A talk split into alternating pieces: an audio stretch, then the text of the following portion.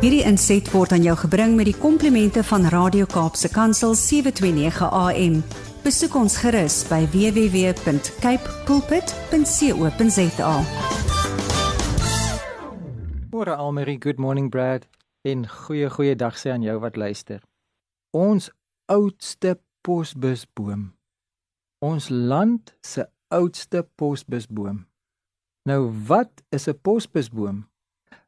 Ek het in 'n vorige gesprek verwys na die feit dat bome dikwels in ons land se geskiedenis 'n invloed het. En toe het ek verwys na 'n boom wat in Mosselbaai staan. En ek het so skramsweg die inligting gehad want ons was eendag by daai museum gewees en ek het nog so ietsie daarvan onthou. Maar met komplimente van Wikipedia en dan nogal nogal moet ek sê van Afrikaanse Wikipedia het ek so 'n bietjie my feite gaan verifieer.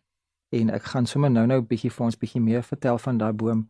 Maar ek wil net die konteks vasmaak om te sê dat bome het 'n rol in ons mensdom se geskiedenis. En net so 'n paar weke gelede het ons gepraat van die boom wat die geskiedenis gekraak het. Die feit dat die kruishout en die kribhout in Jesus se geval hout was en wat dat daai hout deel was van 'n skepping wat 'n groot groot verskil gemaak het, die reuse verskil gemaak het in die hele skepping. Ons gaan dan nou vandag kyk na 'n voorbeeld van 'n boom wat 'n verskil gemaak het in Suid-Afrika se geskiedenis.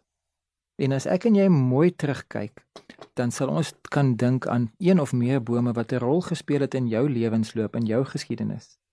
En as jy nie bewustelik kan dink aan 'n boom wat 'n invloed gehad het nie, herinner ek jou daaraan dat al is ons onbewus daarvoor daarvan, is bome geweldig belangrik in die watersiklus, maar ook in die suurstofsiklus en in die koolstofsiklus van ons hele klimaat en van ons hele aardse bestaan en dat so baie van dit wat ons praat van 'n 'n climate warming en 'n carbon neutral dit bome is absoluut deel van die oplossing in daai probleme.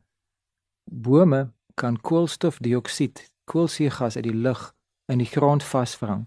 Die Engelse woord is sequestrate. Hulle kan baie baie effektief hierdie greenhouse gases in die grond in opvang en nie, nie net stoor soos wat 'n mens nou uh, radioaktiewe eh, reste moet stoor want hulle is gevaarlik nie maar dat dit letterlik dan nou 'n baat vind en dat dit ten goeie is vir die mikroorganismes vir die plante en dat dit eintlik 'n bonus is as daar meer koolstof in die grond is want dit is dan nou op oplosbaar en op so 'n manier toeganklik dat lewe daarbey kan baat. So of jy nou bewus is daarvan of nie, bome het 'n geweldige invloed op elkeen van ons se lewens. Nou om terug te kom by hierdie een boom, een van die bome wat in ons eie land se geskiedenis 'n groot invloed gehad het. Ons oudste posbusboom. Kom ek maak gou-gou my foon hier oop en ek lees vir ons uit Wikipedia, die Afrikaanse Wikipedia. Die inskrywing onder die poskantoorboom. Die bekendste wit melkhout is die poskantoorboom by Mosselbaai wat na raming ongeveer 600 jaar oud is. Dit word as Suid-Afrika se eerste posbus beskou. Volgens oorlewering het Portugese soldate in 1500 'n skoen met 'n brief aan die boom opgehang. In die brief beskryf 'n skeepskaptein van die vloot, Pedro de Ateide, om my Portugese uitspraak te onderverdenking. Nou die die, die skeepskaptein beskryf die verdrinking van Bartolomeus Dias Hy wou die brief na Portugal stuur en het dit toe in die boom laat ophang met die hoop dat die brief sy bestemming sou bereik. 'n Paar maande later ontdek 'n ander Portugees met die van van Danova die brief en neem dit saam huis toe. So die plan het gewerk. Die melkhoutboom was red op daai stadium reeds daar gewees. Uh dit was toe nou 'n uh, 'n uh, 'n lekker opgeskote boom en uh, stewig daarso en prominent en heel waarskynlik uh die feit dat daar dan nou 'n skoen aan die boom gehang het kon aandag getrek het. En as die ander uh, boot se bemanning dan nou kom ondersoek instel hoekom hang hierdie skoen nou aan die boom dan kan hulle nou die brief binne in gekry het. Daar was miskien 'n nota by met aan aanwysings en instruksies die nodige adres was daar gewees. En die ander bemanning wat toe nou op pad terug was na Europa toe het toe nou die brief saamgevat en daar was nou die eerste interkontinentale brief uit Suid-Afrika gepos van Mosselbaai tot terug na Portugal. En daarvan dan af het dinge net meer en meer gemaklik geword want toe raak dit mos nou 'n bekende reëling. Dit as jy wil 'n brief stuur, dan moet jy maar net by daai melkhoutboom in die skoen gaan kyk, plaas hom daarin en die eerste beste volgende boot sal dit dan terugvat na die uh, tuishawe toe. En van die tuishawe af kon kon heel waarskynlik sou sou ehm um, eggenote of kollegas of familielede dan nou ook briewe kon saamstuur met 'n bemanning en dit sou die sou dit dan nou kon in die in die skoen plaas en dan kon uh, die ouens van die volgende boot wat nou op pad terug was van ehm um, die van Indië of waar waar hulle ook al dan nou ver gereis het kon dan in die in die uh skoen gekyk het en 'n klomp ouens sou teleurgesteld gewees het en hier en daar sou iemand dan nou opgewonde bly wees oor die brief wat dan nou wel in die skoen was vir hom. Uh en ek dink 'n brief van jou eggenoot of dan verloofde sou emosioneel 'n groter impak gehad het as wat 'n prokureursbrief sou hê. Dit laat my terugdink aan jare terug toe ek 'n dienspligtige was. Dit was die tyd voor selfone en ons het korrespondensie letterlik nog met pen en papier gedoen, letterlik briewe geskryf. En ons was onder instruksies en ons het geweet dat dit wat ons skryf van die grens af sal gelees word, dit sal gesensor word en ook dit wat uh, van die huis af kom word gelees voordat dit dan nou um, aan jou oorhandig word. So daar was net mooi geen privaatheid nie. Maar ten, die gebrek aan privaatheid ten spyt was dat kommunikasie was vloeiend geweest. Dit het wel ten minste 10 dae en partykeer selfs 21 dae gevat as dit as dinge voorspoedig was voordat jy nou jou antwoord gekry het, maar mens kon kontak bly van uh, Angola af of van van die noorde van Suidwes-Afrika wat voordat dit nou Namibië geword het, kon jy lekker per brief in kontak bly met almal by die huis en met almal met wie jy graag wou 'n uh, briewe briewewisseling wil hê.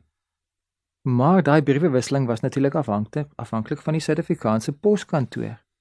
Nou op daai stadium was die Suid-Afrikaanse poskantoor, die Suid-Afrikaanse lugdiens, Suid-Afrikaanse hawens, die Suid-Afrikaanse spoorweë was almal spoginstansies.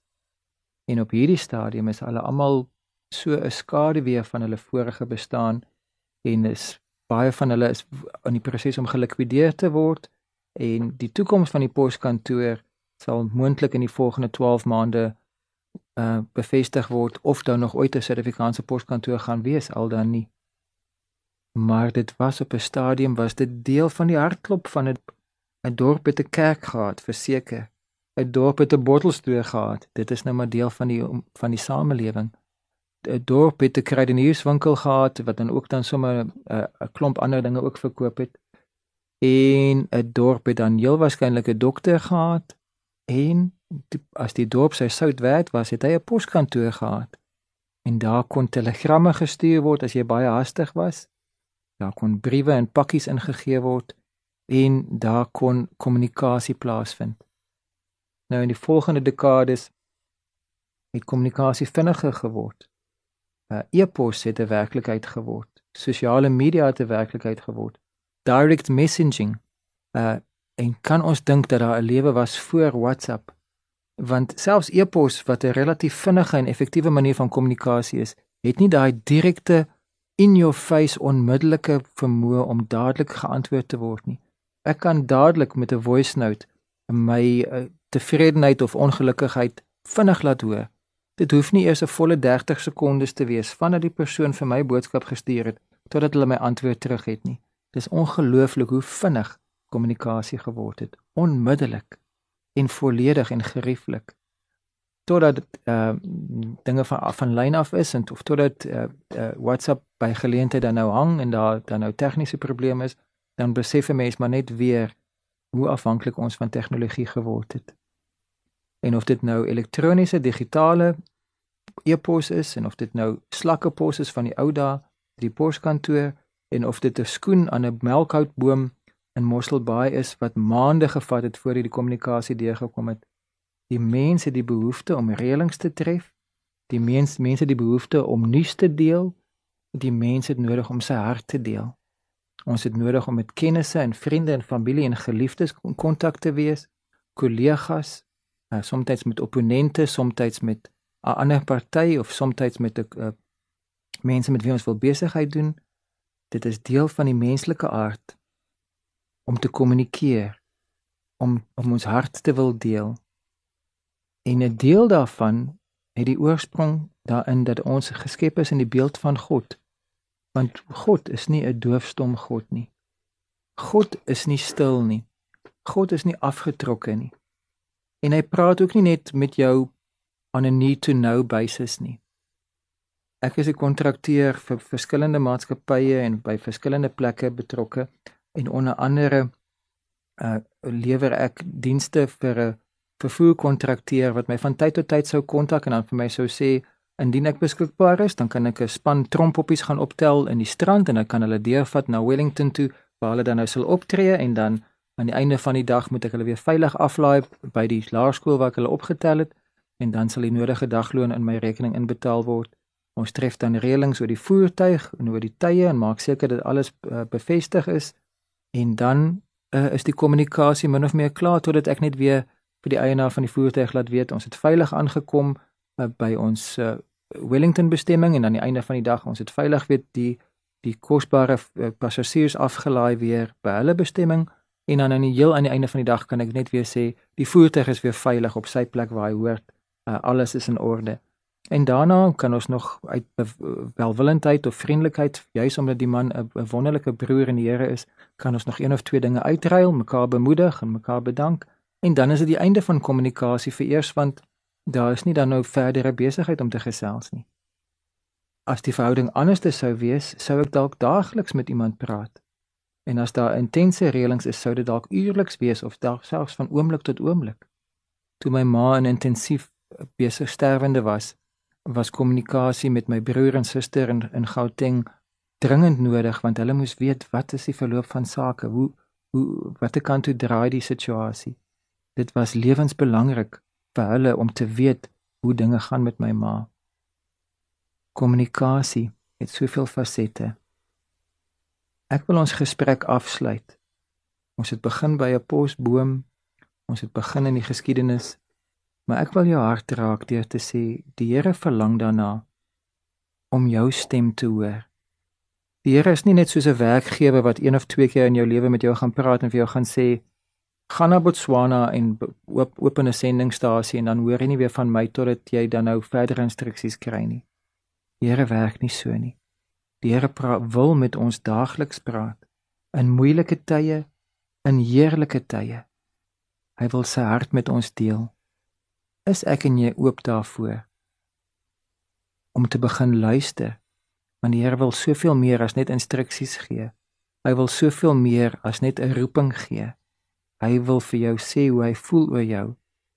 He is especially fond of you. Hy verdra jou nie net nie. Hy is mal oor jou. The Lord doesn't just tolerate you. He celebrates you. Kom ons gesels met hom.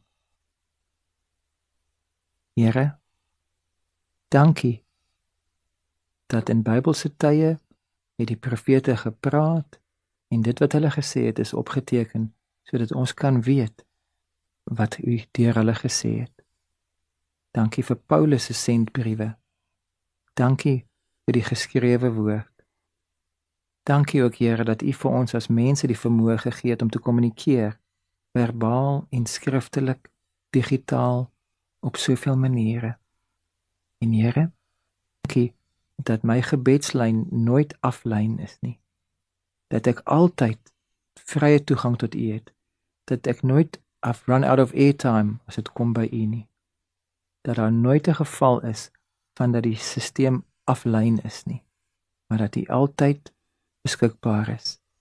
En Here, u verdra nie my gebede nie. U is nie maar net geduldig en beleefd terwyl ek praat nie. U verlang om my stem te hoor. Selfs al het ek nie iets belangriks om te sê nie.